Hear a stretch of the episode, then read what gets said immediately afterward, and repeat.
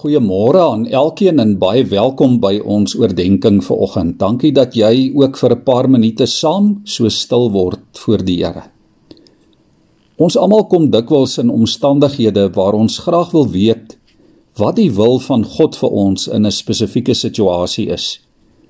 Dalk soek jy na duidelikheid in jou beroep of dalk is jy onseker oor 'n blyplek of oor 'n lewensmaat of oor die een of ander faset of die een of ander saak in jou lewe. Oor die algemeen weet ons wat God se wil vir ons in die breë is. Ons weet dat hy wil hê dat ons gered sal word. Dat ons 'n heilige lewe sal leef. Dat ons hom sal verheerlik in dit wat ons doen. Dat ons sy koninkryk sal dien in dit waarmee ons elke dag hier op aarde besig is. Maar wat maak ons as dit kom by die praktiese, die alledaagse situasies van elke dag? Dit is dan, liewe vriende, waar die rol en die werk van die Heilige Gees so onmisbaar belangrik is. Die Heilige Gees lei vir jou en vir my gewoonlik nie op 'n bonatuurlike, buitengewone manier nie. Jy hoor byvoorbeeld nie stemme nie. Jy droom nie drome en sien visioene nie. Natuurlik kan die Heilige Gees dit ook so doen. Natuurlik kan hy op 'n bonatuurlike manier werk wanneer hy wil en waar hy wil. Maar oor die algemeen kies die Heilige Gees om dit waarskynlik anders te doen. En daarom is die vraag vir môre: Hoe wil die Heilige Gees dan in jou en in my lewe werk? Watter metodiek gebruik hy? Hoe hoor ons dan sy stem? Wat moet jy en ek in gedagte hou as ons na God se wil vir ons lewe soek?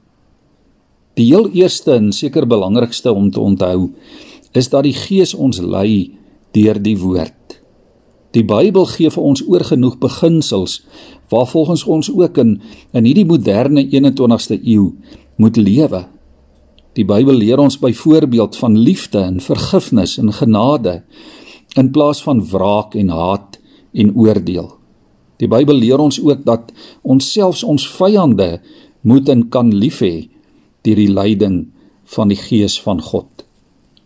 In elke spesifieke situasie wil die Heilige Gees jou verstand verlig sodat jy die woord van God kan hoor en dit reg kan verstaan. Die Heilige Gees het so 'n profetiese rol om God se wil aan jou en aan my te openbaar. Juis ook in die klein dingetjies, die normale gewone dinge van elke dag. Daar in Efesiërs bid Paulus dat God die gelowiges daar in Efese en die gelowiges deur die eeue en ook vir jou en vir my sal verhelder deur sy gees sodat hulle sal ontdek wat sy wil vir hulle is. Ek lees vir ons vers van vers 17.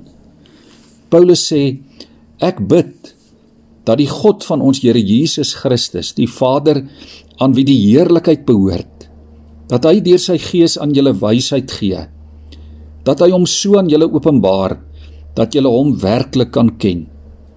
Dat hy julle geestes oë sal verhelder dat julle kan weet watter hoop sy roeping inhou en watter rykdom daar is in die heerlike erfenis wat hy vir die gelowiges bestem het.